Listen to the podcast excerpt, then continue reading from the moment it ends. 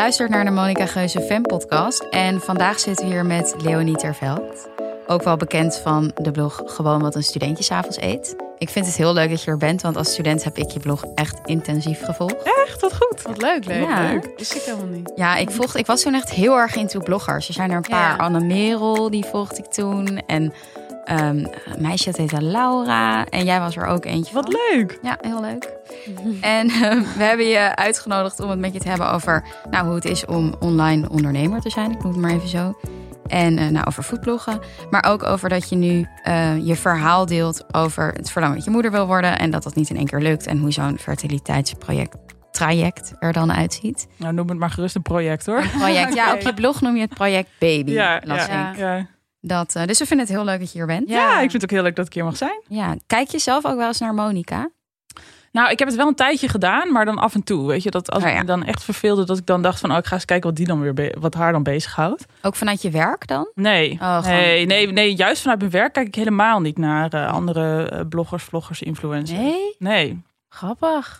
Ja, maar dat is een beetje zo, omdat als je dat wel gaat doen, weet je, ik ben natuurlijk foodblogger. Ja, ja. En als ik nou heel erg mijn inspiratie ga halen uit wat andere foodbloggers klaarmaken, wat is dan de, de toegevoegde waarde Ja, van mezelf? Dus dan vind ik het chiller om niet te kijken naar wat iedereen doet. En ik vind ook, ik heb altijd een soort van, ik krijg altijd wel een beetje gevoel van, als je heel erg naar andere mensen kijkt, wat die aan het doen zijn, dat je Mm. daar een soort van jaloers op kan zijn. Weet je wel, van, Ja. oh, die heeft wel die campagne Ja, ja. binnengehaald, of die doet het zo, of die doet het zo. Dat ik denk, dat is helemaal niet een gezond uitgangspunt om, eh, om, je, om je business vanuit te runnen. Het is veel lekkerder om te kijken naar hoe, wat je zelf doet en hoe lekker het bij jezelf gaat. In plaats van dat je de hele tijd zit te kijken naar wat anderen allemaal fantastisch aan ja, het doen zijn. nou, heel goed punt. Ja, Ja, word. Hey, en ehm, we beginnen eigenlijk altijd met, de, met dezelfde vraag. Ik Ja. had er al eentje voorgesteld, maar dat telt even niet. Ja. Namelijk, wie ben jij op Instagram en wie ben je in het echt? nou, ik ben op Instagram en in het echt gewoon Leonie Terveld.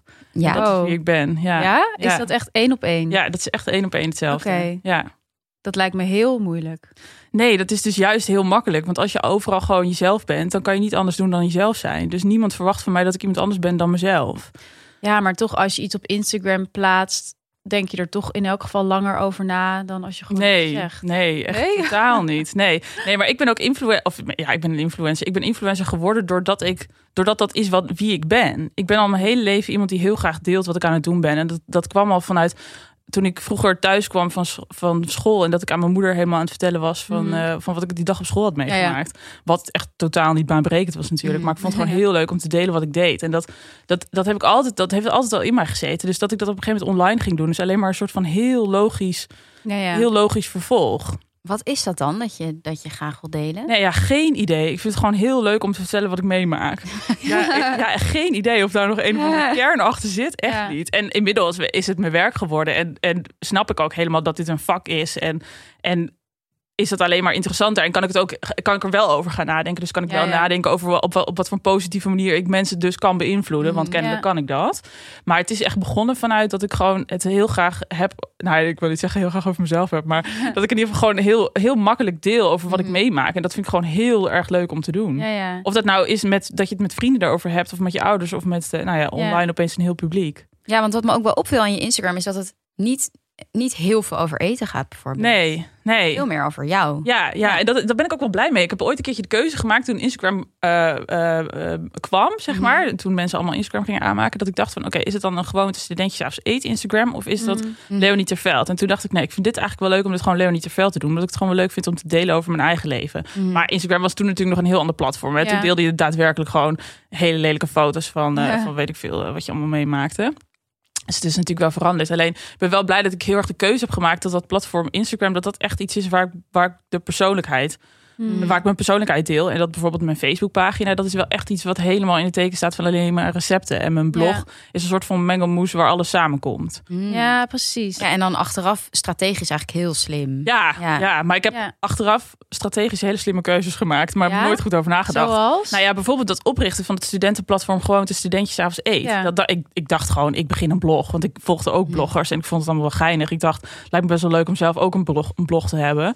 En zo ben ik gewoon op een random dinsdagavond eh, eh, gaan zitten en ben ik, ben ik een blog begonnen. Dat ik, dan, dat ik dacht, oké, weet je, het lijkt me wel leuk om te schrijven over mijn avondeten. Want dat vind ik, dat deelde ik al op Facebook. Mhm. Terwijl het ja. helemaal niet baanberekend was. Het was gewoon simpel. Het zag er ook niet uit. Weet je, was niets bijzonders aan. Maar ik vond het gewoon leuk om te doen. En toen dacht ik, nou, dan begin ik daar wel die blog over. Maar ja, wat moet het dan zijn? nou ja, ik ben student, dus nou ja, gewoon de studentje s'avonds eet. Ja, en zo zo ben ik direct een doelgroep omschreven. ook. Precies. Nou ja, Ja, maar dat vind ik zo Ja. interessant. Want ik, ik, de- en dat, want ik, ik kende jouw blog, of ik had er wel eens van gehoord, maar ik had het Ja. nooit, eh, nooit echt eh, actief bekeken. Maar wat ik er heel interessant aan vind, is dat je je, je, je target actief eigenlijk de, ja, de gemiddelde mens. Ja. De gewone Ja. mens. Terwijl we toch in een tijd leven waarin ik denk van iedereen wil toch fantastisch zijn. Ja. Maar blijkbaar slaat dat dan toch aan. Precies. En dat maakt dus ook dat ik niet me anders voor hoef te doen dan wat ik Ja, ben. Want ja. ik, zeg maar, het enige wat ik hoef te zijn, is een gemiddeld mens of een toegankelijk mens. Ja. En ik ben natuurlijk, ik ben niet echt een gemiddeld mens, omdat ik influencer ben geworden en daardoor heel veel dingen meemaak met gratis reisjes en weet ik wat allemaal niet, waardoor het niet een gemiddeld mens is. Maar daar kan ik wel ook mensen weer in meenemen van, joh, wat mij nou is overkomen en dit is het leven dat ik leid. En maar ik blijf nog steeds wel Leonie Terveld en dat is wie ik ben. En ik ben ook, ik vind het heel belangrijk voor mezelf om diegene te blijven, omdat ik anders ehm, een soort van iemand anders moet gaan zijn en een soort van minder toegankelijk wordt of Ja, zo. ja. En ik denk juist dat het de kracht is dat ik precies mijn doelgroep ben. En wat, wat maakt jou dan gewoon? Ja, weet ik eigenlijk niet zo goed. Ik denk dat ik gewoon. ehm, dat ik het woord heel veel gebruik.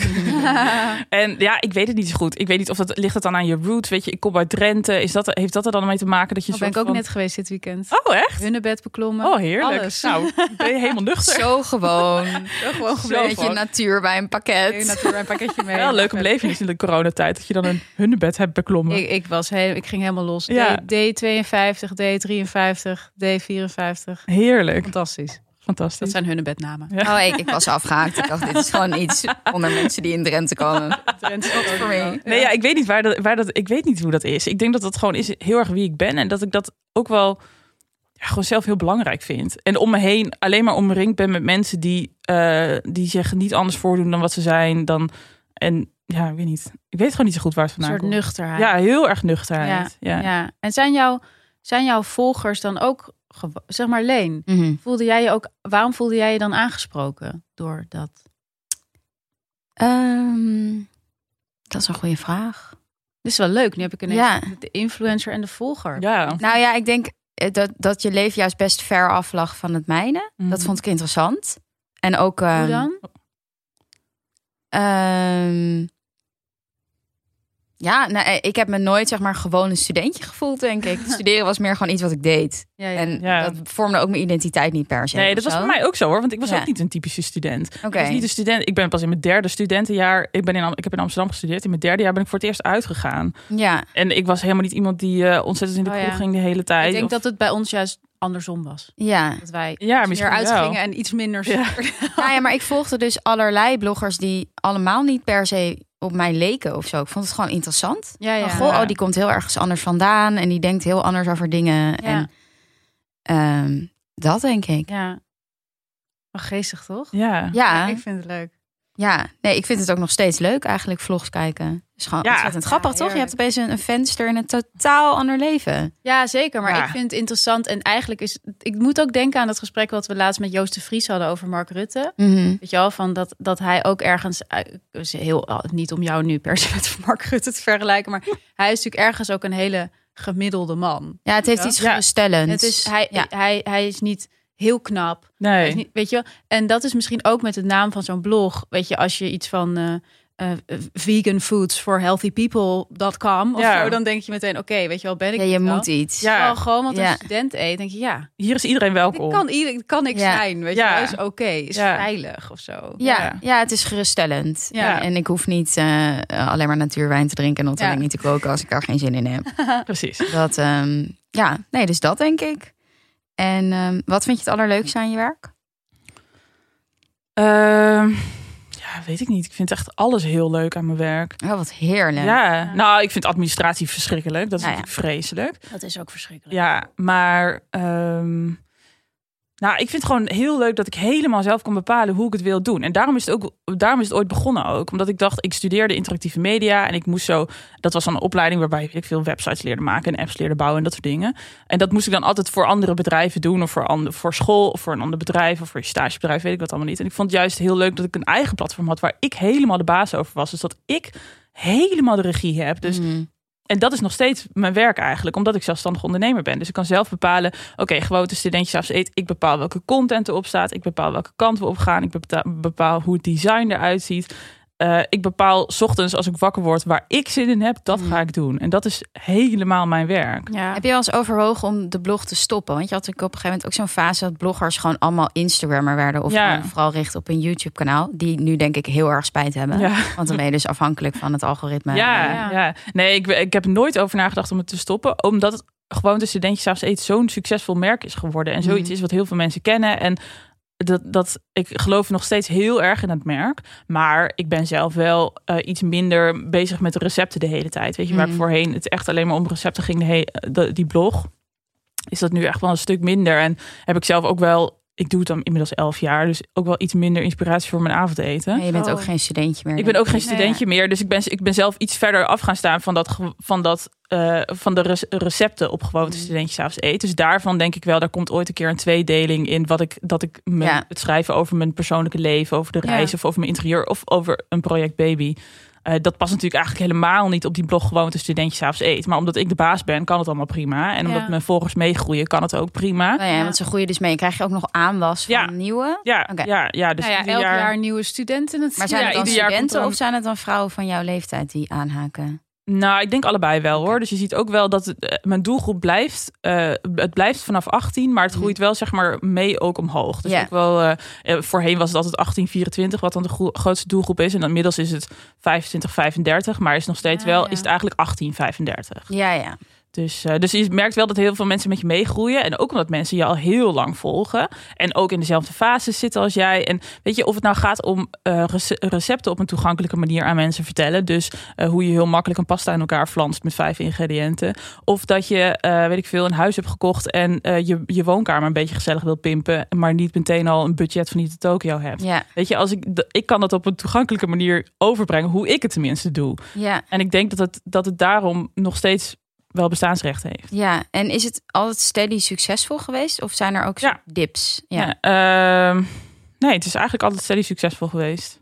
Wauw. Ja, Heerlijk. Ja. Maar, en ook, zeg maar, het is niet per se zo. Weet je, het is natuurlijk waar je, waar je je succes aan afmeet. En heel veel mensen zullen hun succes afmeten aan groei. Maar bij mij is het niet per se dat, zo dat het al jarenlang ontzettend aan het doorgroeien is. Mhm. Ik zit gewoon op 100.000 unieke bezoekers per, ma- per maand. En daar zit ik denk ik al drie jaar. Ja. Het zou heel leuk zijn als het een keertje 150 of 200.000 worden. Maar ja, weet je, als het de 100.000 blijven en ik kan er mijn fulltime baan van blijven, Ja. blijven. Ik kan iedere ochtend wakker worden met het idee van, joh, wat ga ik vandaag weer eens voor leuks doen?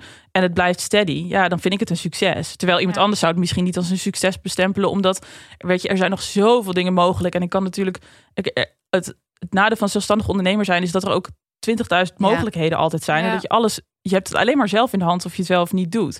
En heel veel kansen laat ik dus liggen. Mhm. Dus wat dat betreft is het misschien niet succesvol. Maar voor mij werkt het om eh, te werken op een manier waarbij ik niet mezelf helemaal uitput de hele Mhm. tijd. Waarbij ik gewoon helemaal chill ben. En eh, dat bedrijf dat loopt gewoon. Mensen vinden het leuk. Ik vind het leuk om te doen. Ja, weet je. Ja. Ja, voor mij is het precies. succesvol. En wat is je belangrijkste inkomstenbron? Ehm, nou, dat is vooral mijn blog en Instagram. En dan dus de, eh, eh, de samenwerkingen die je met, eh, met Ja. bedrijven aangaat. Dus niet zozeer de boeken. Nee, zeker Nee? niet. Daar verdien je echt geen reet aan. Nee, Oh, dat is echt vreselijk. En waar- waarom wil elke influencer dan een boek? Nou, omdat het wel cool is. Weet je, iedereen hebt gewoon vraag echt het aan, te aan geven. Ja, maar nee, vraag het aan een random Nederlander. Iedere Nederlander wil toch ongeveer een boek schrijven? ja, Maar Dus- is, een boek schrijf je niet voor het geld. Een boek schrijf je voor een soort van... ja, je eh, merk. Wie je bent. Ja. Ja. Wat je wil en waar je heen wil. Dat, ja, ik Ja, en ook gewoon om te zeggen... Geen dat- enkele illusies over. Nou ja, maar omdat natuurlijk influencers ook wel op zoek zijn naar andere verdienmodellen dan dat je ook afhankelijk bent van een, een Ja. sociaal platform. En dan is bijvoorbeeld merch iets waar je echt heel Ja. veel geld mee kan verdienen. ja, Dus ik had even de illusie dat wellicht een boek dat ook was. Maar nee, een boek... Wat is, eh, wat is ook weer ons verdienmodel? Ja, dat is een heel goed bruggetje, want wij hebben namelijk ook een sponsor. En jij hebt ook vast met deze sponsor samengewerkt. Nou, wel ooit, niet. ja. Oh, Heel lang geleden. oké. Ja. Met eh HelloFresh. zeker. Want eh, nou, dat is dus onze sponsor. Net als die Ja. van Monica, daar zijn we heel trots op. Ja, dat is echt heel leuk. En eh HelloFresh die helpt je in het begin van het jaar met gezonder, gevarieerder en goedkoper te eten. Want Ja. als je minder naar de supermarkt gaat, nou, dat herken je misschien wel, geef je ook minder geld Ik zat uit. te denken dat het eigenlijk ook best wel corona-proof is. Want minder Ja. reisbewegingen, je hoeft niet meer naar de supermarkt. Inderdaad, ja. ja. Hey. En je kan dus eh, altijd kiezen in welk tijdsvlak ze het komen brengen. Dat vinden wij heel fijn, want wij vinden het heel vervelend om te wachten op een bezorger. Dat zullen mensen wel herkennen. Heel prettig. En je kan dus elke week kan je kiezen uit iets van 21 gerechten. Best wel veel vega, ook gezond. Maar ook een soort Bourgondische dingen. Zoals ja. Ja, echt dingen die ik nooit voor mezelf zou koken. Maar wel leuk. Een soort dorade. Ja, en, dorade met, met uh, pastinaakpuree en zo. Ja. ja. Um, en je kan dan kiezen met hoeveel personen. Het kan ook voor één persoon. Dat vind ik toch ook altijd al heel fijn. Vind ik ook vooruitstrevend. Vind ik ook. Ja. En uh, je krijgt alles in de juiste hoeveelheden aangeleverd. Dus je hoeft niks weg te gooien. En nou, je koopt nog eens wat anders. Ja, en we hebben een kortingscode. En we hebben een kortingscode van 45 euro voor de eerste drie maaltijdboxen. Met de code Hello Monica Fan Podcast. Ik zet hem ook in de show notes. Ja. En uh, nou, laat het weten hoe het was. Ja, ik wil eigenlijk ook foto's zien van mensen die dan dingen hebben gekookt. Eigenlijk wel, ja. ja. Heb jij met HelloFresh samengewerkt? Ja, maar heel lang geleden. Oh, heel lang geleden. Wow. Ja. Ja, en jullie doelgroepen moeten perfect aansluiten. Ja, dat denk ik ook wel. Ja. Maar ja, eigenlijk is zeg niet maar. echt studenten, toch? Ik zou eerder zeggen een beetje werkende mensen. Ja, ik zou dus eigenlijk zelf heel graag een studentenbox willen hebben. Ja, dat lijkt me dus goed echt idee. fantastisch. Ja. Maar zoveel werk. En een van die 20.000, dit is een van die 20.000 plannen. waar Plannen dus die ooit... Ja, ja. Maar het lijkt me zo vet. Dat, Ja. het gewoon, dat je gewoon echt met makkelijke ingrediënten Ja. studentenmaaltje in elkaar kan flansen. Dat het echt makkelijk is. Maar ook dat je echt misschien grote hoeveelheden... gewoon Ja, heel studentenhuis. ja, ja. Ja. maar dat je daarvoor kan kiezen. Dus of je bent juist in je eentje. Want ik heb mijn hele studententijd ook in mijn eentje gekookt. En daar heeft niemand heeft zin om met grote hoeveelheden te werken. Of je bent juist met heel veel. Ja, ik denk dat hier echt zoveel mogelijkheden in zijn. Maar zeg maar, ik krijg al hoofdpijn als ik aan denk wat ik, hier, wat ik dan allemaal moet gaan uitdenken. Hoe dit allemaal moet werken. En ik wil. Dan wel ook... Ik ga het dan niet doen voor 100 boxen, weet je wel. Ik wil dan wel gewoon meteen dat het, het er- schaalbaar is. dat het zo. schaalbaar ja, dan moet je ja. zelf een samenwerking misschien met HelloFresh hebben. En dat Ja, je dus dat, ja, handen ja, of zo. ja, ja. Ja, leuk wel. Ja, leuk toch? Ja, superleuk. Heel leuk. Ehm, maar goed, een boek is dus niet rendabel. Nee. Nee. Oké, dan ben ik, ben ik die illusie weer armer. Het leuke van een boek is wel dat je het altijd uitbetaald krijgt één keer per jaar. Dat weet ook ja. niemand. Dat is zo raar. Ja, in april. Dus het is voor mij altijd een soort van mijn vakantiegeld. Ah ja. Omdat je dat natuurlijk niet krijgt als zelfstandig ondernemer. Dus Ja. dan is het wel een soort van spaarpotje wat je dan rond die tijd ook krijgt. Wat wel echt humor was, dat ik één keer, want ik heb eh, eh, drie boeken geschreven en twee e-books. Eh, Zeg ik dat goed? Dat weet ik niet. Eh, God, jezus, wat erg. ik denk dat ik dat goed zeg. Je hebt een aantal boeken Ik heb er zo'n, ja. En, eh, en dat ik op een gegeven moment van mijn tweede boek, mijn tweede eh, gewoonte studentje nog meer eet, was een kookboek voor studenten. Kreeg ik de afrekening in april. En dat is dan dus je vakantiegeld. Mm. En dat was 2 euro was er verkocht in België. Oh. en ik kreeg natuurlijk vanuit. Nederland was het geloof ik iets van Maar dat is gewoon 200 één euro. boek waarschijnlijk, toch? Ja, het is Want- daadwerkelijk één Ja. boek verkocht in België in 10%. één jaar. Ja. Zo grappig. Ja, dat ik dacht, nou sorry maar je hoeft hier de afrekening niet per Op se Ja. zich wel interessant om dan die ene Belg een keer op te zoeken. Ja, wie dan die ene is. Bedankt. Ja, ja, ja.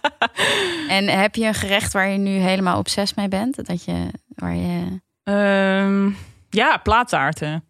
Oh, dat eet- heb ik gezien, Ik ja. eet de hele tijd plaattaarten. Ik zei nog tegen jou door, we moeten een keer zo'n... ehm, Ja, dat zei je. ja, dat zei ik. Ja, dat is echt door jouw blog. Wat Ja, dat is echt best wel plaattaart? Ja, wist ik dus ook niet zo goed van, tot een jaar geleden. Maar dat is gewoon letterlijk zo'n zo'n rol bladerdeeg wat je Ja. uitrolt. En je smeert er iets op. Iets van crème fraîche of weet ik veel, gepureerde bieten of pompoen of zo, weet ik veel wat. Ja, dat Ja. doet Ottolenghi pompoen. En, dan, eh, en dan gooi je er allemaal dingen op. Dus ik gooi er de hele tijd oesterzwammen op. Vind ik Oh, lekker. En een beetje nootjes of zo. En dan doe je het in de oven en je haalt het eruit en het is fantastisch. Maar het is zo makkelijk en er is 88 miljoen variatie mogelijk. Dus het is echt Jezus. heel chill. Maar het is wel een nadeel, want het is wel echt voor één of twee personen. Dus je kan, als je met vier personen bent, Is te weinig. dan is het te weinig. Ja, ja. Ja.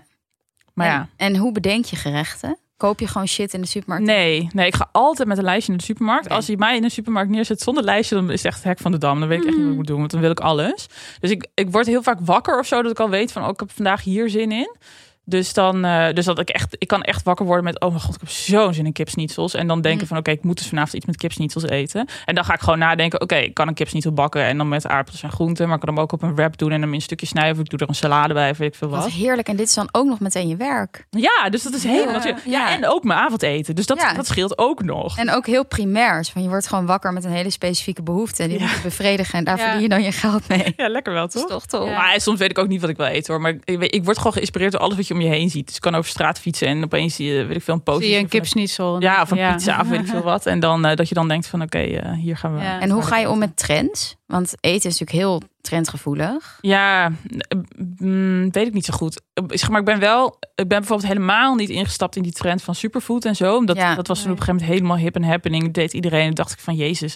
Ik, mijn, mijn idee is altijd als ik niet weet hoe het, hoe, hoe het smaakt. Zeg maar, als ik hoor Mhm. goji best, dan denk ik, weet ik niet van, oh, dat smaakt zo en zo. Dan denk ik van, nou, als ik niet weet hoe het smaakt, dan wil ik het ook niet in mijn eten hebben. Ongeveer. Ja. Dus, ehm, Dus de, de superfoods en zo, daar ging ik helemaal niet in mee. Maar bijvoorbeeld nu de trend dat je veel meer vega of veganistisch Ja. eet, daar ga ik wel volledig in mee. Omdat ik denk dat het echt een hele goede trend is. Ja. Hou je daarbij ook rekening wat een gewoon iemand zou willen? Ehm, Een goji best kan ik me voorstellen van ja, dat is echt niet gewoon. Nou ja, ik denk er nooit over na wat een gewoon iemand zou willen. Maar ik denk gewoon wat ik zou willen. En Ja, ik, ja. ben, ik ben namelijk mijn doelgroep. Dus Ja. als, ik het, als ik op een toegankelijke manier vegetarisch kan eten, dan kunnen mijn ouders dat ook. Ja, ja, Zo, precies. zeg Ja, maar. ja, ja. Hey, en en ehm, was het altijd al zo? Want je deelt nu natuurlijk best veel persoonlijke dingen, ook over je wens om moeder te worden, et cetera. Ja. Was dat altijd al onderdeel van jouw blog? Of is dat in de loop der jaren, zeg maar, erbij gekomen? Ja, dat is echt in de loop der jaren erbij Mm. gekomen. Ik weet nog wel dat ik op een gegeven moment echt een eh, voor het eerst bijvoorbeeld mijn dagboek ging schrijven. Dat ik een eh, dagboek ging bijhouden op mijn blog over wat ik dan allemaal meemaakte. Ik weet niet meer wanneer dit was, maar dit was niet vanaf het begin af aan. En Mm. dat was wel echt zo'n moment dat ik wel echt dacht van oké, weet je, ik zou het best wel leuk vinden om jullie mee te nemen in mijn leven. Om Mm. mijn volgers mee te nemen in mijn leven. Om te vertellen over wat ik dan allemaal meemaak. Dus ik ga het gewoon proberen en we kijken wel eh, hoe het verder gaat. Maar, en, en dat is heel logisch dat ik dat ben gaan doen. Omdat ik het eigenlijk het allerleukste vind om te doen. En het is ook, de platformen zijn er ook heel erg naar. Dus wat ik net Mm. al zei, weet je, je Instagram is wel echt een platform waarop je ook heel goed je persoonlijke leven kan laten zien. En op een gegeven moment kwamen, op een gegeven moment had je dan, eh, oh, ik weet niet hoe het heet. Dat wat voor Insta Stories was. Eh, Snapchat. Snapchat, ja. ja. Toen had je Snapchat. Toen dacht ik, oh, dat vind ik eigenlijk ook wel leuk. Want dan kan ik iets meer een soort van achter de schermen echt laten zien. Wat ik ook wel op mijn dagboek doe. Maar dat zijn toch echt foto's. Zeg maar, dat is dan, weet ik veel, tien foto's per dagboek. Maar op Snapchat kon ik opeens veel meer laten zien. Weet ik veel, eh, wat je de hele dag aan het doen bent. Mhm. En toen kwam Instagram met Insta Stories. Toen dacht ik, oh, dit is chill. Want je zit ik wel gewoon op dat platform waar ik al op zit. Mhm. Kan ik daar ook mijn Insta Stories doen. Dan kan ik dus helemaal goed laten zien wat ik de hele dag aan het doen ben. En dat is niet om te laten zien wat ik de hele dag aan het doen ben. Maar dat is puur omdat ik dan, weet ik veel, weer iets tegenkom op straat. Of ik loop in een mooi natuurgebied en dan echt denk, wow, mensen moeten dit echt weten. Ja, Wauw, oh, dat, dat voel je echt. Ja, op dat ja, moment. dat, Ja. Dat, dat voel ik dus nooit. Ik Jij? ook weinig. Nee, ja. nee. Maar dat, ja, en dat is dus heel grappig, want dit is dus helemaal hoe ik ben. Dus ook als ik op vakantie bijvoorbeeld ben, heel veel mensen zeggen wel eens tegen mij van, oh, maar ben, dan sta je dus altijd aan, of ben je altijd aan het werk? Ja. Dan denk ik, ja, ik ben wel altijd aan het werk, maar ik ben ook altijd mezelf in mijn werk. Ja. Ja, ja. Want als ik op vakantie ben en ik zie gewoon iets, dan denk ik echt van wow, dit is echt zo vet. En in plaats van dat ik het dan op, via WhatsApp naar mijn vrienden stuur, denk ik Ja. van ik, ik zet het op mijn Instagram met alle gegevens bij, want anders krijg je 88 vragen van eh, hoe Ja. zit het en waar Ja, ben je ja, en eh, ja. hoe, hoe Heeft ben je denk je ook te maken met een soort schaamteloosheid? Ja, ik heb niet echt heel erg last van schaamte. Nee, Helemaal niet, geloof ik. wat lekker. Ja, Dat is wel een goede bijkomstigheid. Maar je vlogt Ja. niet, toch? nee. Nee, en waarom dat dan niet? Nou, omdat, je, omdat het ook wel echt veel werk is, volgens mij. Dus zeg maar, je moet wel een beetje kiezen. Ik kan niet, ik heb ook maar, eh, wat is het, Ja. eh, 24 uur in een dag. Ik wou zeggen 40, dat was Ja. lekker geweest. Nee, ik heb ook maar 24 uur in een dag. Hè. Dus, dus eh, dat, dat bloggen, daar ben je natuurlijk al best wel wat tijd mee kwijt. Met, eh, met al die samenwerkingen opzetten. Weet je, ik had al echt al een heel druk leven. Dan ga je daarnaast ook nog een boek schrijven. Je gaat nog een dit doen, je gaat dat doen. En dan ook vloggen erbij, dat is echt best wel veel. En omdat ik juist al ook zoveel op Insta- Instagram, bijvoorbeeld op Insta-stories deel, heeft het voor mij niet echt een toegevoegde waarde. En ik heb Ja. ooit wel over nagedacht, is het dan eh, slim om bijvoorbeeld in plaats van dat ik op mijn blog mijn dagboek schrijf, zodat ik het in schrijvende Mhm. vorm doe, dat ik dat bijvoorbeeld in een vlog gooi. Maar ja, dan moet je weer op YouTube een soort van nieuw publiek gaan opbouwen. Terwijl Ja, ik eigenlijk op mijn blog dat platform ook heb. Dus Ja, en het is ook juist fijn dat je je onafhankelijke platform hebt, toch? Dat je niet afhankelijk Ja, bent van. YouTube. Ja, snap ja, ik. maar ik heb er wel over nagedacht, bijvoorbeeld met dat project Baby, of ik dat niet bijvoorbeeld op vlog zou willen doen. Dus dat Oh, je wel voor een camera gaat zitten en het En dan kan je weer een nieuw publiek ook aanspreken. Ja, en ook omdat ik het zelf heel leuk vind om, om eh, dat soort video's altijd te kijken op, eh, op Mhm. YouTube. Ja, Maar ja, ik weet niet. Ik weet niet. Ik vind het toch, denk ik van, eh, god, moet ik dat ook nog weer gaan doen? ja. Was dat voor jou een, een, een, eh, een- want als je zegt van ik ben heel open en ik deel veel, ehm, was dat dan nog wel een, even een moment van ga ik dit delen over? Nou, niet heel erg, maar ik heb het natuurlijk wel met mijn vriend besproken. Ja. Want hij moet het ook maar gewoon allemaal oké vinden. En ik heb Ja. heel erg geluk dat mijn vriend helemaal hetzelfde is als ik hierin. Dus die zit ook fijn. ja. Ja, en dat is wel grappig, want hij is, hij is geen influencer, maar wel iemand die dus ook heel erg denkt van, oh, ik moet dit echt delen met mensen, wat hij aan het doen is. Dus Mm. dat, dat matcht wel heel lekker met elkaar. En ehm, hij is dus ook heel erg open. Dus we hadden allebei zoiets van, ik zei, ik heb het op een gegeven moment inderdaad gevraagd van, joh, wat, wat vind je ervan? Ik zou het Mm. eigenlijk ook wel op mijn blog willen vertellen, want ehm, ik vind ook, ik vind heel vaak juist zo dat, dat je dan op een gegeven moment pas een zwangerschapsaankondiging of iets dergelijks leest van iemand. Ja. En dat is super leuk om te lezen. Alleen je weet nooit wat er aan vooraf is gegaan. En bij ons, ehm, had ik, ik had niet meteen dat ik dacht, we beginnen nu met proberen om een baby te krijgen in november 2019 was dat. Uh, we gaan het nu proberen. Ik ga dit meteen vertellen. Nee, of uh, ja, helemaal. ja. Maar live blog. ja, precies. Weet je, dat dacht ik niet. Maar ik dacht wel. En onze vrienden, zo, die wisten het wel allemaal. Van joh, we zijn ook wel uh, begonnen met, met proberen en zo. Ja. Vrienden en familie. Hey, even context voor de luisteraar, want die, die weet denk ik niet precies wat voor een um, fertiliteit. Oh ja.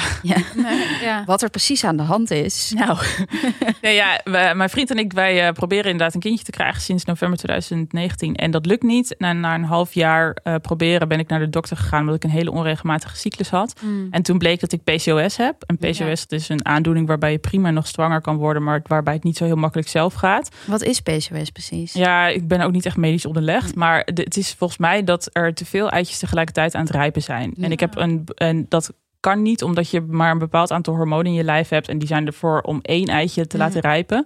Zodat die de ijsprong kan maken. En bij mij zijn er nou ja, 12 tot 20 eitjes tegelijkertijd aan het rijpen. En er wordt er nooit eentje goed rijp. Waardoor je nooit een goede ijsprong hebt. Waardoor je dus heel onregelmatig ongesteld kan zijn. En dat was ik. En ehm, toen, ben ik naar, toen ben ik naar de dokter gegaan. Want ik hield het al vanaf het begin af aan heel goed bij. Van hoe zit het nou met mijn, eh, met mijn menstruatie en zo. Mm. Of wanneer ben ik wel niet eh, vruchtbaar. En toen ben ik naar de dokter gegaan. Die zei van, nou ga maar naar het ziekenhuis. Toen mocht ik inderdaad die PCOS-test doen. Nou, dat had ik toen. Dus dat kwam voor mij best wel een beetje onverwacht. Van, huh, dat had ik Ja. helemaal niet gedacht. Want ik had nooit ergens last van. Omdat ik altijd aan de anti- anticonceptie zat. Ja. En eh, toen moest mijn vriend naar het ziekenhuis... om ook eventjes uit te sluiten dat er bij hem iets aan de hand was. En toen werd er geen zaad gevonden in zijn, eh, in zijn sperma. Ach, Gewoon zeg maar van de ze- 20 tot 60 miljoen die erin horen zitten, zat er nul in. Dus dat was ook wel een beetje dat je denkt van oké, niet helemaal de bedoeling. Nee. En ehm, toen is hij voor onderzoek naar het ziekenhuis gegaan. En nu blijkt dat hij geen zaadleiders heeft. Ook zoiets waar je nog nooit van hebt gehoord. Nee. Maar je kan dus op je 34ste erachter komen dat je gewoon een soort van ding mist in je lijf. Ja. Dus hij heeft geen zaadleiders. Dus het is allemaal een beetje ingewikkeld. Maar er is nog van alles mogelijk. En ze kunnen hem opereren en bij hem het zaad eruit halen. En ik kan aan een of ander hormoontraject beginnen. Waardoor ik ehm, eh, wel heel veel eitjes tegelijkertijd laat rijpen. Waardoor je een punctie moet doen. En uiteindelijk komen we uit bij een IVF-ICSI-behandeling. ja. Waarbij ons kind uit een petrischaaltje komt. wow. Ja, Wel echt een heel, nou, een project. echt een project. ja, het is ja. echt zo. hoor. Ja, ze noemen het niet voor niets een fertiliteitstraject. Ja. En weet je, we staan helemaal aan het begin ervan nog hoor. Want we zitten nu nog in de wacht totdat mijn vriend geopereerd kan worden. En totdat ik, ehm, ik moet dan nog in de wacht voordat ik aan mijn hormoontraject kan beginnen. Dus dat duurt allemaal echt nog fucking lang. Ja. Maar ik dacht wel, weet je, dit is niet iets wat je, wat je leest. Ik had nog nooit gelezen over iemand die geen zaadleiders had, weet je wel? Dat je denkt, is het mogelijk überhaupt? En je, je ziet alleen maar, of je ziet heel veel dat het allemaal goed gaat. Of je hoort als iemand zwanger is van, nou, Ja. het, is wel, het was wel een struggle en het is wel moeilijk gegaan. Ja. Dat ik dacht, ja, weet je, ik, wil, ik, ik vind het ook gewoon... Het is gewoon onderdeel van wat me nu bezighoudt in mijn leven. Dus ik vind eigenlijk ook dat ik dit gewoon, eh, dat ik dit ja, en ik, ik, vind dat, eh, ik vind dat heel, eh, nou ja, dapper vind ik inmiddels echt een vreselijk woord. Maar Ja. ik vind het heel dapper. En ik denk ook dat het echt heel ehm, waardevol is. Want ik vind het, hè, het is natuurlijk rond dat moederschap. En nou, wij hebben, het daar, wij hebben het daar ook wel veel over. Wij zijn allebei dan bijna 30. En het wordt dan gewoon meer een onderwerp. Maar, je, maar er, er is eigenlijk zoveel daarover wat niet besproken wordt. ja, Ehm, en waarover ook, juist misschien omdat het dan een beetje nog in nevelen gehuld, het allemaal heel eng is en mensen ook meteen Mm. ontzettend bang worden als iets meteen niet meteen lukt. Of ja, Zoiets, Ja. je inderdaad, eh, nou ja, wat jij ook zegt, er is natuurlijk vaak nog heel veel mogelijk. ja. Ehm, maar ik merk ook wel hè, dat het ook wel een onderwerp is waar, ik weet niet hoe jij dat merkt bij jouw volgers of zo, maar waar mensen meteen gewoon heel emotioneel op reageren en heel bang ook vaak, toch? Ja, ja, ik weet niet. Het is inderdaad, het is wel een soort van heel gevoelig onderwerp. Maar ik merk bij mijn volgers vooral heel erg dat zodra ik erover begin te praten, dat iedereen echt komt met verhalen. Van, Ah, en, ja. en wat ik ook wel schrijnend vind, is dat ik ook best wel veel berichtjes heb gehad van volgers die dan zeggen van, oh, ik ben zo blij dat jij erover, kan, dat jij erover hebt. En eh, nou, bij mij is het zus en zo. En, eh, en die dat dan niet in hun omgeving met mensen uit hun omgeving kunnen bespreken. En dat Mm. was bij ons vanaf het begin af aan wel al heel erg zo. We hadden het al heel erg met vrienden over gehad. Ja, Waardoor die stap naar online ook niet zo heel groot was.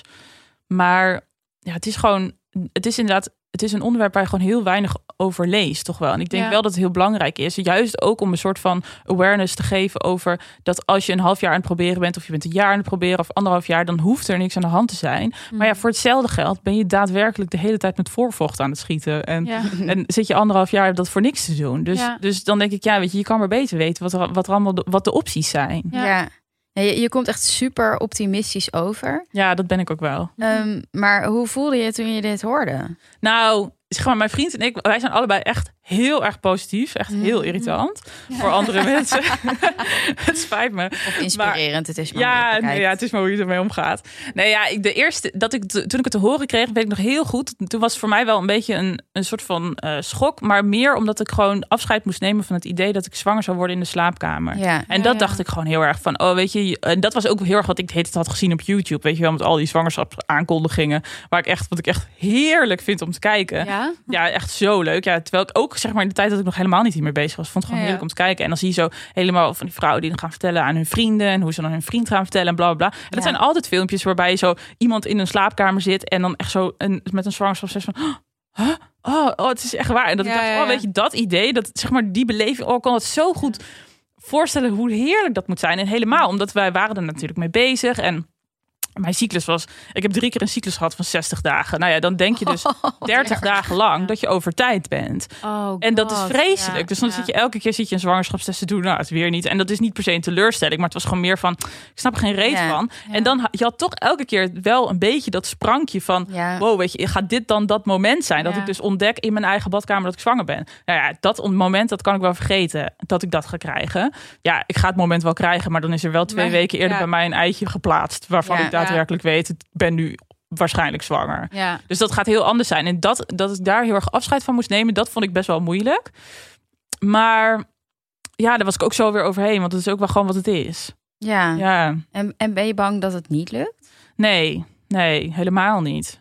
Nee, omdat ik denk, we hebben nu al zoveel, we hebben nu al zoveel pech. We hebben daadwerkelijk dubbel pech. Als je Ja. mij had verteld van, joh, dit is, dit is natuurlijk bi- bizar dat je allebei eigenlijk moeite Ja. hebt met zwanger worden. Ja, dat je is weet, toch- je weet nu zoveel dat het... eh, Ja, ja, en dat je denkt van, ja, ik weet niet, het is, het is, het is echt een godswonder als het eigenlijk nog gebeurt. Maar ja, het is wel, ik, ik heb er echt Ja. volle vertrouwen in dat het wel gaat gebeuren. En als het niet gaat gebeuren, want natuurlijk hebben we hier gesprekken over, ja, dan, dan weten wij het ook wel weer, weer te managen met z'n tweeën. Ja. Maar het, het ding ferti- fertiliteitstraject is wel heel erg, dat adviseren ze, je moet het echt stap voor stap bekijken. Dus Mm. je kan nu al heel erg gaan nadenken over, oké, straks hebben we die operatie, misschien vinden ze toch geen goed zaad. Moeten we dan gaan nadenken over een donor? Wie zou dan een goede donor zijn? Wil ik Ja. wel een donor? Moet ik over adoptie gaan nadenken? ja, ja. Weet je, dat soort dingen, daar hoef ik helemaal niet over na te denken. Want voor hetzelfde geld vinden ze tijdens die operatie wel goed zaad. En heb ik me heel erg zorgen gemaakt om welke donor ik moet gaan kiezen. ja, Ja, heb je allemaal mensen wel. gevraagd?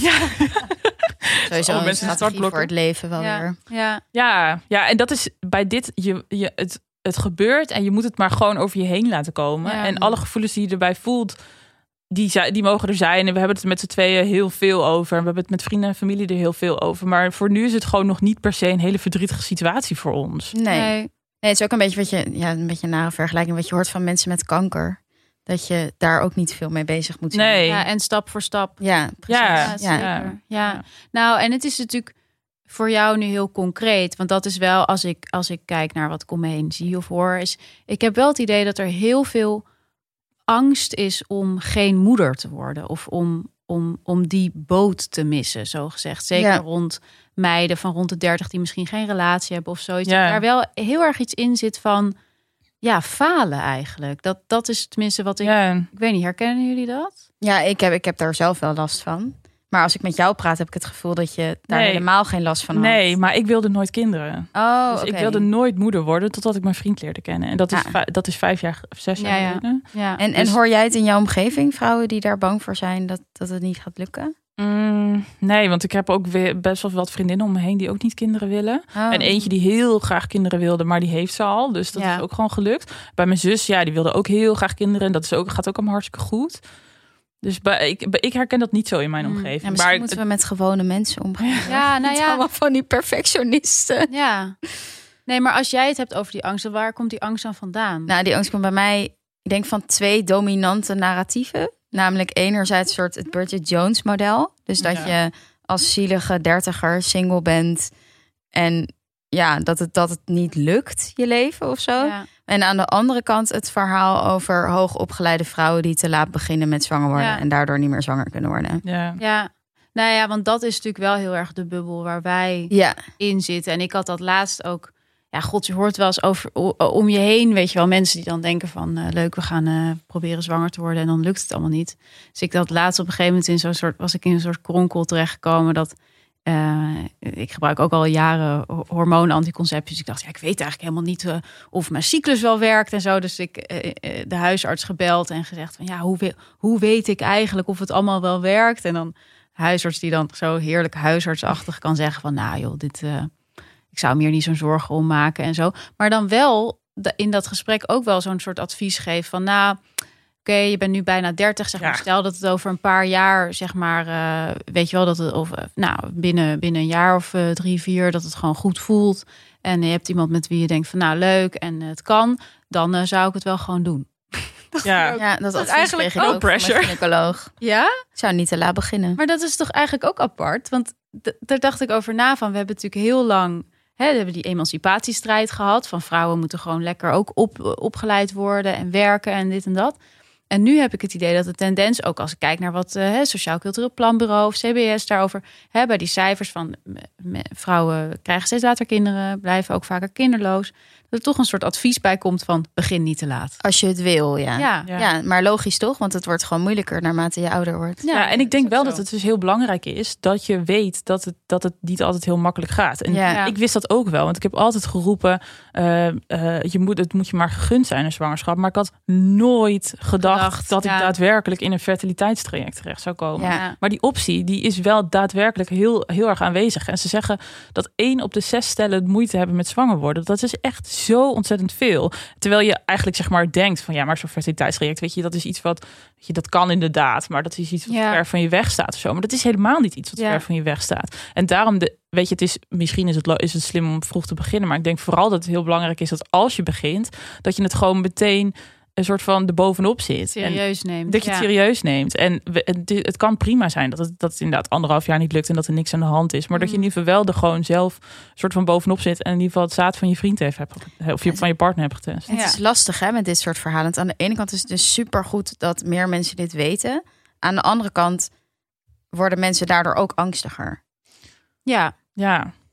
Nee, dat denk ik ja. ook. En het, kijk, het valt mij wel op dat het er de laatste tijd meer over gaat. Kijk, ik zie natuurlijk ook van die grote influencers, hè, zoals zo'n uh, nou, Sanne Vloed laat, zo'n model en uh, Romee Strijd. Oh ja. Zo'n Victoria's Secret Angel. Nou, die was geloof ik zeven jaar niet ongesteld geweest. Die had dus ook PCOS gehad en uh, ook zo'n traject die is inmiddels heeft zijn kind. Maar ik vond dat wel interessant dat dat ik heb toch het idee dat dat wel echt iets is van de laatste tijd. Dat het ja. besproken wordt. Terwijl, terwijl het natuurlijk zo logisch is. Want die vrouwen die zijn gewoon halve atleten. En gewoon bizar dun. En super uh, gezond. En altijd aan het sporten. Ja, weet je, ergens logisch dat je dan niet meer ongesteld wordt. Ja. Maar het wordt natuurlijk... Dat is natuurlijk heel gek. Dat, daar dacht ik ook over na. Van zo'n zo'n zo'n zo'n Romee strijd, zo'n Victoria's Secret Angel, weet je wel, echt zo waar alle vrouwen naar kijken en willen daarop lijken en wauw, wat sexy. Maar die was dus gewoon heel lang onvruchtbaar. Ja, ja dus zij zijn de norm, maar eigenlijk is hun norm dus hun norm is eigenlijk onnatuurlijk. Onmenselijk. Ja. Letterlijk. Ja. Dus dat vond ik wel heel interessant eraan. En ik ben ook wel benieuwd of die, of die bewustwording veel verder zal gaan. Want dat is natuurlijk wel echt een heel groot teken aan de wand als het gaat om ja, onze schoonheidsidealen en ook over hoe eerlijk we daar eigenlijk over zijn. Ja. Maar ik heb soms ook het gevoel, en dat bespeur ik helemaal niet bij jou hoor, maar dat het ook een, um, een, een soort strategische keuze kan zijn om het te delen. Omdat je weet dat mensen het lekker vinden om naar dramatische verhalen, ja. of et cetera, te. Ik denk, het, ik denk dat het daar dat, dat ik kan me heel goed voorstellen dat je dat denkt. Alleen ik denk dat dit is, zeg maar, je moet even bedenken, zou je dit, zou je het zelf inzetten als een strategische keuze? Nou in ja, het, in het werk wat je doet. En ik denk dat heel weinig mensen ja. ja op zullen zeggen. Ja, ik heb toch het idee dat je, dat je inderdaad influencers hebt zoals jij, die gewoon heel dicht bij zichzelf zijn en alleen maar doen waar zij zin in hebben. Ja. En ook wel influencers die zich conformeren aan wat er van hun, wat hun volgers van hun ja, willen. Maar dat heb je natuurlijk in elk, elk beroep. Heb maar dat, dat is waar. snap ik wel. Maar ik heb toch, en dat wil helemaal niet zeggen dat, dat die meiden die dat delen, dat op andere punten niet wel doen, zeg maar. Mhm. Maar ik heb toch het idee dat als het gaat om vruchtbaarheid, je ongesteldheid, um, dat, dat, zo, dat dat zo privé is dat mensen daar toch. Nou, we hebben het, ik heb het zelf een keer in deze podcast gehad. Dat ik toen hadden we het over ik weet niet eens meer wat ongesteld worden of zo. En toen, uh, en toen zei, jij, zei jij tegen mij, ja, maar jij bent aan de pil. Oh ja. Toen heb, heb ik dat eruit geëdit. Omdat ik dat op de een of andere manier Oh. vond ik dat te privé. Dat Ja, mensen van ik. mij weten Ja. dat ik aan de pil ben. Ja, maar dat is, dat is toch helemaal hoe we zijn geconditioneerd. Ja, ik, Dat is toch vreselijk? ja maar dat je ik denk, ik- why? Ja, ik weet, ik heb dus heel vaak dat ik in mijn blog bijvoorbeeld eh, vet chagrijnig ben, omdat ik super ongesteld ben. Ja. En dat ik dat er dan uitliet. Omdat ik dan dacht, ja, maar dat vinden mensen vies om te weten. Ja. Terwijl, what, what the fuck? En dat Ja. nu, zeg maar, nou, ik moet zeggen, ik heb nog steeds wel een beetje een soort van rem erop om dan te zeggen, of in mijn stories of zo. Maar ik moet zeggen Ja. dat ik nou sinds, sinds kort, ik denk sinds een half jaar, een jaar of zo, Ja. ook wel in mijn stories durf te zeggen dat ik ongesteld ben. Gewoon, eh, met de bebloede tampons. Ja. ja. Nou ja, ik, ik heb het juist een beetje de andere kant op. Want ik denk ook dat het ook een beetje door mijn omgeving komt. Maar ehm, ik zit juist ook wel... Ik, ik ken veel mensen die bijvoorbeeld juist de pil heel erg zien als... Ja, iets wat je eigenlijk niet, wat eigenlijk niet goed voor je is. Weet Ja. je, veel hormonen Ja. en, eh, Ja, en, en je, nou, het verandert je lichaam. Het, verander, het zou heel veel veranderen in hoe je je voelt.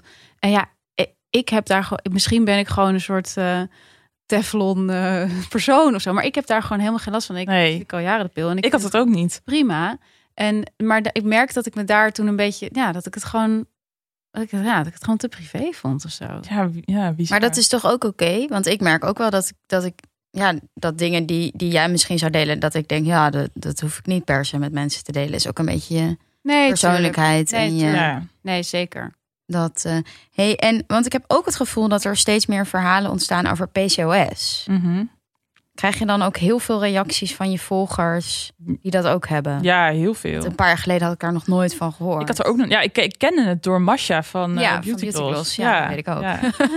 Ja, en toen dacht ik, van, ja, wat is dat eigenlijk? Geen idee, maar ook nooit in geïnteresseerd geweest. En toen kreeg ik het opeens zelf te horen dat ik dat had. Want je Is het aangeboren? ja, je wordt ermee geboren en het gaat nooit meer over. Het voordeel van PCOS is wel dat, je, dat ik rond mijn veertigste heel vruchtbaar word. Omdat ik zo weinig Oh, eitjes, zeg maar, ja. Af- Jij hebt gewoon nog een enorme voorraad. ik heb een enorme voorraad. Ja, Chill. ja dus dat is op zich wel chill. Die klok wordt in ieder geval wel weggenomen. Ja. Ja, Ja, ja, ja dat is Dat wel, wel echt echt zo. relaxed. Ja, bizar Ja. hè? Ja. want je gaat nu toch zo'n traject in. Dus of het nou nog Ja. vijf jaar duurt of niet, Ja. maakt in principe... Ja, het lastige aan zo'n traject is dat je dan dus wel... Zo'n traject kan behoorlijk lang duren. En als je een tweede kind wil, moet ik dus wel weer in een traject. Ja, wow. Dat maakt het wel iets wat ingewikkeld. Ja, Maar ja, ik ben nu... Ik word eh, morgen 31. Dus ik, ben, ik heb ook nog tijd zat. ja. ja. Dat gevoel heb ik wel. Ja, je schreef ook op je blog, dat vond ik wel grappig. Dat, eh, want jullie moeten ook wachten door corona met Ja. operaties en zo.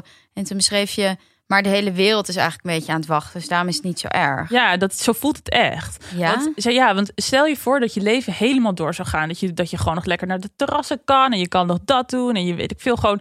Alles gaat lekker in, een, in die stroom vooruit waar we altijd met z'n allen in zaten. Mhm. En er is één ding wat de hele tijd stil blijft staan waar geen vordering in zit. Ja, ja, ja. Terwijl nu staat alles stil. En niets gaat vooruit en alles zit in een soort van pauze. Dan voelt het dus heel logisch dat dit ook op pauze staat. En is het niet zo heel erg dat dit ook op pauze staat. Ja, ja, dus het komt niet per se voort uit vergelijken met anderen of zo. Want dat, dat lijkt mij dus heel lastig als Ja. je eenmaal rond de 32 komt en al je vrienden krijgen kinderen. Ja. En het lukt bij jou niet. Ja, dat lijkt me ook heel lastig. En ik merk dat dat wel, zodra ik een zwangerschapsaankondiging eh, zie of zo, dat Mhm. ik dan mijn eerste instinct is dat ik denk, eh, oh jezus, bij hun is het wel gelukt. Ja, je het eigenlijk tuurlijk. niet weet. Want voor hetzelfde geld zijn die ook al vijf jaar aan het proberen of drie Ja. jaar aan het Ja. proberen met allemaal ingewikkelde toestanden. ja. En dat is wel een van de eerste dingen die ik denk. Maar dan denk, denk ik daarna wel meteen, nou je weet het niet. En Nee. superleuk dat het bij hun wel gelukt is. Ja. ja. ja. Ja, het schijnt dus ook dat je niet zozeer last hebt van een biologische klok, maar vooral van een sociale klok. Nou, dat wou ik net Ja. zeggen. Ik vraag me ook vaak af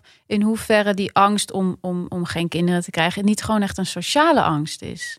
Een sociaal gedreven angst. Ja, want Ja. ook omdat je dus heel veel geconfronteerd wordt met de vraag de hele tijd. Ja. Zijn jullie al bezig? En ik merk het bij mezelf ook, dat ik ook naar vriendinnen kijk op borrels of ze wel wijn drinken. Maar dat is wel iets wat de hele tijd een soort van om je heen hangt zodra je de 30 passeert. Ja, Oh, echt. ja. Ja, ik ben, heel ik erg. ben 29, misschien dat dat daar. Ja, ik- nou, ja, en, en, En er zijn toen ik geen een huis nu. kocht. En er zijn geen borrels, ja. Nee, ja, ook dat. Nee, en toen ik een huis kocht, vanaf toen kreeg ik echt gewoon, nou, daadwerkelijk iedere maand wel de vraag van iemand van, eh, zo, en eh, nou, en jullie dan? En, de, en wij zijn er heel open over en vinden Ja. het prima. En iedereen weet nu ook dat we in een traject zitten. Maar Ja. weet je, stel je voor dat je in een traject zit en dat je er niet open over bent, omdat je Ja. je er wel voor schaamt of omdat je het zelf ingewikkeld vindt om erover te praten. En iedereen komt de hele tijd met die vraag. Het is Nou zo ja, bizar. Ja, en het is natuurlijk ook wel wat gek is, is dat je merkt op het moment dat je een relatie hebt, is het een hele normale vraag. Ja, Dan, eh, willen jullie echt kinderen? ja. Terwijl ik ken juist veel vrouwen die eh, geen relatie hebben En zich daarom veel meer tot dat onderwerp verhouden. Weet je, Ja. ik, ik denk er niet heel veel over na. En ik denk sowieso, kijk, wat ik merk is dat vrouwen, als ze geen relatie hebben, toch vaak ook denken van, oh, komt dat wel goed? Dan ga ik wel iemand vinden en zo. Terwijl ik denk vaak, ja, als je wel een relatie hebt, kan toch ook nog van alles gebeuren. Ja. Ook niet lukken. Of kan maar is toch een soort sociaal ge- eh, bepaald van, nou, als je eenmaal gezetteld bent met iemand, Ja, dan eh, is dat wat je dit is gaat de doen. volgende stap. Ja, Ja. dat is Ja. toch gek eigenlijk? Ja. Ja. ja, en het rare is natuurlijk ook dat je, dat je nooit kan ontsnappen aan dat narratief. Dus als je eenmaal besluit om geen kind te willen, dan vormt dat vervolgens je identiteit. Want dan ben je altijd een vrouw die geen kinderen heeft. Ja, Ja. en waarom En voelt niet dat gewoon voor... iemand. Heb ik toch het idee dat dat voor heel veel vrouwen als falen voelt. Ja, omdat het wel echt sociaal. Ja, toch? Ja, het is een norm, toch? Een vrouw die geen kinderen wil. ja terwijl Tenminste, je... ik ervaar dat wel zo. Ja. Maar wat ervaar jij dan van dat dat om je heen of zo? Of... Ja, ik denk dat dat is toch een oeroud verhaal dat een vrouw behoort kinderen voor te brengen. Ja, want wat ik zo raar vind is dat als je kijkt naar hoe zeg maar de planeet is gewoon super overbevolkt. Ja, eigenlijk is het heel cool toch als je veel beter krijgt. zijn om geen kinderen te Ja, krijgen. ja. Ja, maar dit verhaal is al duizenden jaren oud. Ja, ja. Dus het is gewoon nog dominanter Het, dan het een... verhaal van voorplant is, eh, is ouder dan het verhaal van overbevolking. Ja, zo zou je dat kunnen stellen. Maar ja, Ja. god, ik, ik ervaar toch ook wel echt een soort... waarvan ik denk natuurlijke behoefte om zwanger of kinderen te krijgen. Ja? Ja, Wat dan? ja gewoon echt de behoefte om zwanger te zijn, om een, om een kind voor te brengen. Ja, ja. Niet per se om, omdat je dan een gezin hebt wat conformeert aan waarvan ik denk dat het een goede leven is of zo. Ja. Maar echt wel. Ja, ik heb het idee dat ik dat wel echt voel. Ja, ja interessant. Ja, want ik, ik heb dat dus echt niet echt. Nee. Ik wou dat ik het meer had eigenlijk. Lijkt me gewoon leuk. Hoe, hoe ontstond dat gevoel bij jou?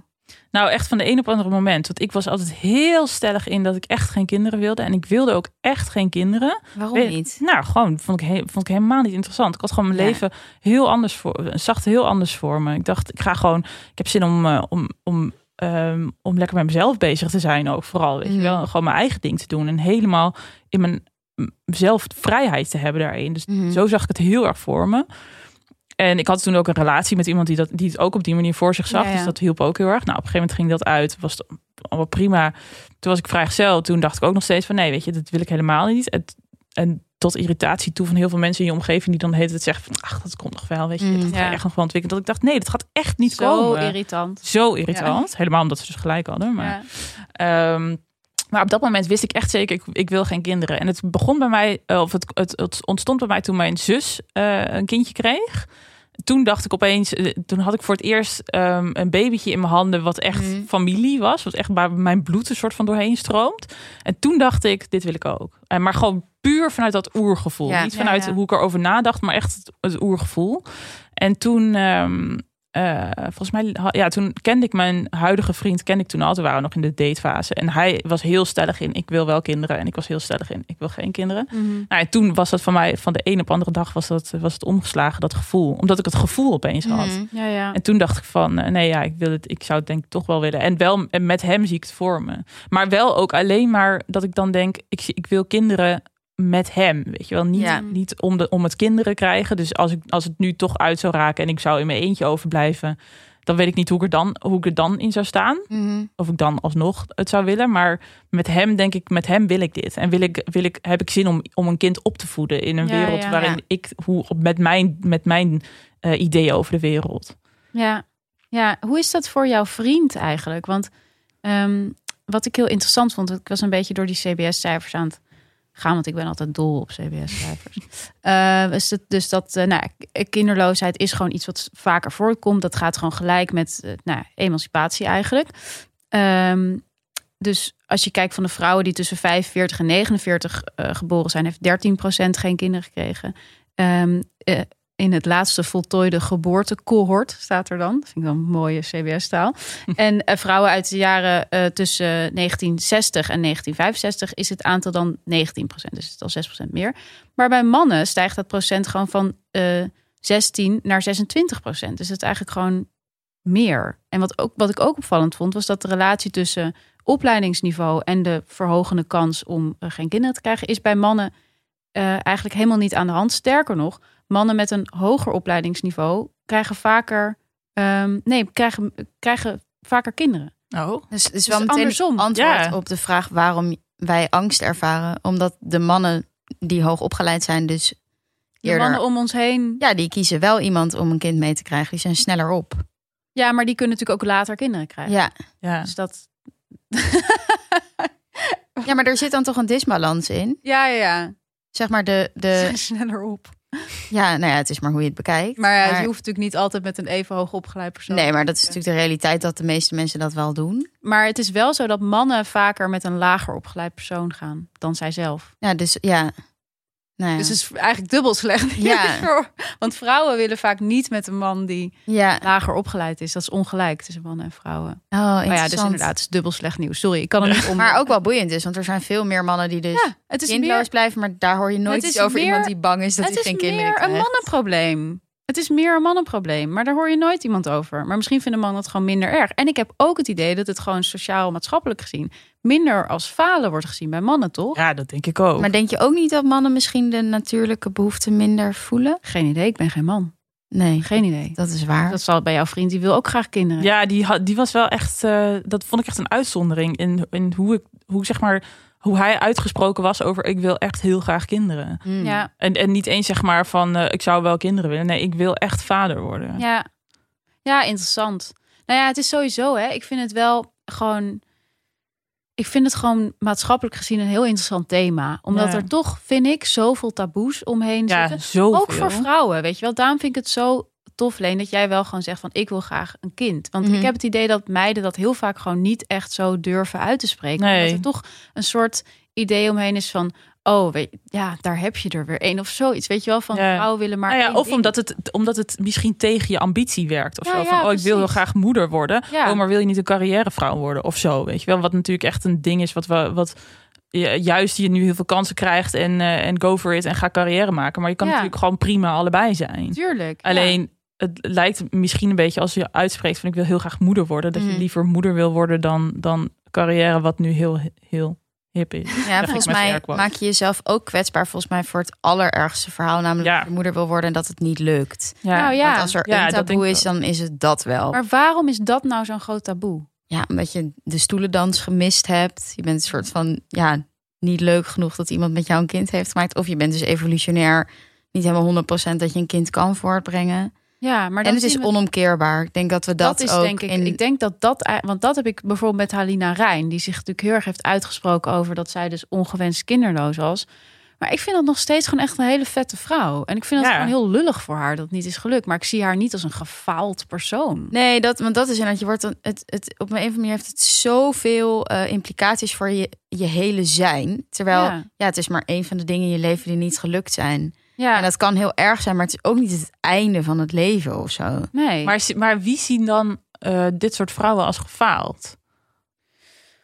Zien we dat als maatschappij? Nou ja, of, want ik ervaar dat helemaal niet zo. Nou, ik, ik, maar goed, dat is dan misschien mijn, eh, mijn eh, kleine eigen bubbel. Maar ik heb wel het idee dat als ik daar vriendinnen of zo over spreek, dat dat wel, ja, dat er een soort faalangst Nou, het is. wordt haar toch ook altijd gevraagd. Van, wil, Ja. waarom ben je geen moeder? Nou ja, of Ja. bijvoorbeeld dat wij het een keer hadden over, eh, ik, ik weet niet meer, was ook een keer in de podcast. En toen had, het over, eh, had ik het over Jennifer Aniston. Iets van dat ik haar te gek vond en dat ze er goed uitziet op haar 50 of I don't know, iets heel banaals. En toen zei jij van ja, maar zij wordt wel als heel tragisch gezien Ja. dat ze geen kinderen heeft. Ja, het verhaal om haar is altijd... gaat ze nog een man vinden om kinderen mee te krijgen? Nou, dat denk ik niet, want ze is 51. Je weet het niet. ja, het is true, je weet het niet. Ja. Je weet niet wat zij ingevroren heeft. Ja. Maar ja, dus het is wel. Nou ja, en ook, ik weet nog dat ik ook nog een keer. Ik keek een keer naar Kijken in de Ziel met eh Koen Verbraak. Met mensen die dood gingen. Dus die binnenkort dood zouden gaan. En er was dan eentje bij die geen kinderen had. En dan vroeg je dus aan iedereen van, nou, wat laat jij straks na? En dan ging iedereen, nou, mijn kinderen, mijn familie, mijn kleinkinderen. Oh, wat hou ik toch van ze. En toen vroeg je dus aan die vrouw. En toen begon ze keihard te huilen. En zei ze, ja, niet. En ik weet nog zo goed dat ik dat keek en dat ik dacht, hè, wat kut. Ja. Dat dit Ja. nou toch waar is. Weet je wel, dat we toch allemaal, ja, dat dit het is waar dat het om dit gaat. het toch is. Ja. Zo, weet je wel. Je hoopt toch dat iemand ook kan zeggen, nou, mijn werk, uh, ja. wat ik heb neergezet, uh, mijn, weet je wel? Ja, ja maar dan, dan zou het dus zijn dat kinderen een soort van het ultieme doel zijn. En ik ja, maar dat, dat, en dat gevoel kreeg ik toch door daar naar te kijken. Terwijl, Ja. ik, terwijl ik zelf. het is ook een sociaal wenselijk antwoord om je kinderen te noemen. Ja, dat, Nou ja, maar ik denk dan bijvoorbeeld, stel dat ze daar Wim Pijbus zouden neerzetten, die volgens mij geen kinderen heeft. Stel dat hij bijna dood zou gaan. Ja, Volgens mij heeft hij geen kinderen. Dan zou je zeggen, nou, het Rijksmuseum eh, voor Linde, weet je wel zo. Maar het is toch als dan zo'n vrouw daar zit en zegt ze niks. Ja, dat, dat ja. vond ik ergens toch teleurstellend of zo. Nou, maar je, krijgt- je- Ja. er komen natuurlijk ook steeds meer verhalen van het tegendeel naar boven. Van vrouwen die vertellen over spijt van het moederschap. Ja, Ander ja, enorm taboe. heel groot ja, dat is natuurlijk ook een Ja, enorm taboe. Dat kan ook gewoon. En En is ook be- onomkeerbaar. Ik denk gewoon dat het allerbelangrijkste in dit alles is, is dat je het dus altijd er hebt over alle scenario's. Dus dat je, Ja. dat je er altijd van weet. Dat, dat de een die, die heeft inderdaad spijt van dat er geen moeders krijgen. Oh, geen moeders krijgen. Geen moeder gekregen. Unieke. Ja. En de ander heeft, heeft er spijt van dat het wel is Ja. gebeurd, weet je. En daarom is het zo belangrijk dat iedereen erover over spreekt. En dat dus die taboes Ja. de wereld uitgaan. Nou, dat denk ik heel erg. Maar dus ook die taboes rond. ehm, ja, gewoon ook rond de wens, weet je wel. Ja. En het echt dat ook, weet je wel. Ik herken die taboe niet helemaal rondom de wens. Nou, wel toch alleen. Dat, dat heb ik wel echt ook bij jongens gezien. Bijvoorbeeld in mijn oude studio zaten jongens te tinderen. En dan was zo van ja, wel onder de 30 zetten, hè, want anders willen ze meteen een kind. Oh, Dat- maar dat is vanuit jongens. Dat mag toch? Een meisje mag toch een kind willen? Ja, dan wil ze meteen een serieuze Ja, relatie. het was altijd Ja. zo heel erg zo'n. Ja, Gadver. Ja. Dat Ja. is echt heel... Nou, dat, vind ik, dat zijn gewoon niet zulke hele leuke jongens dan. ook waar. Nee, ja. nee, dat waren best leuke jongens eigenlijk. Maakt het nog erger. Maar dus eigenlijk moet je... Want dat, dat inspireert me ook wel aan wat jij zegt. Dat je vraagt, oké, maar wie zegt dat dan? En dan zeggen wij nou de maatschappij. En wat ik ook hoor in hoe jij omgaat met je eigen sociale kanalen. Dat je helemaal niet zoveel bezig bent met wat andere mensen doet, Ja, doen. En hetzelfde geldt eigenlijk ook met je kinderwens. Ja, god, als jij zin hebt in een kind en ehm, je bent, vindt het niet erg om dat op je Tinder-profiel te zetten. En het boeit je ook niet dat dan iemand dat vervelend vindt. ja, Ja. Dat is dan toch de way to go. ja, Ja, 100 procent. gewoon je niet aanpassen op hoe mensen erop reageren. Of ja, want je hebt toch uit, in die end alleen maar met jezelf te doen. ja, En, en je kan wel de hele tijd bezig zijn met hoe anderen erover denken. Maar ja, je moet het inderdaad met jezelf doen, denk ik. ja, En dat geldt voor alles. ja. Maar ook voor dit. Ja, Maar dat is makkelijk, makkelijk. Maar anderzijds, gedaan kijk, het is natuurlijk ook altijd. Bijvoorbeeld, een hele goede vriendin van mij is nu zwanger. En die, ehm, die beschreef eigenlijk, weet je, ook zwanger zijn en moeder worden. Het heeft ook heel erg te maken met de blik van de ander. Je verandert voor jezelf, maar ook hoe anderen je zien. Ja. Dus ja, tuurlijk, je doet het met jezelf, maar je hebt altijd te maken met de mensen om je heen. En zij beschreef, vond ik heel leuk, dat ze zei: Ja, ik vind het wel prima met die COVID en zo. En iedereen is thuis, ja, en ik ook. En ik heb zo'n buik en zo.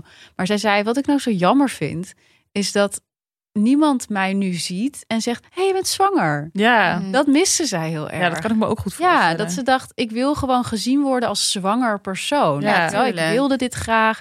Nu is het gelukt. Ja, En ja, straks ben ik alweer moeder. En ik wil gewoon heel graag dat mensen die Ja. tussenfase zien. En dat begreep ja, snap ik heel goed ja, ook. Ja.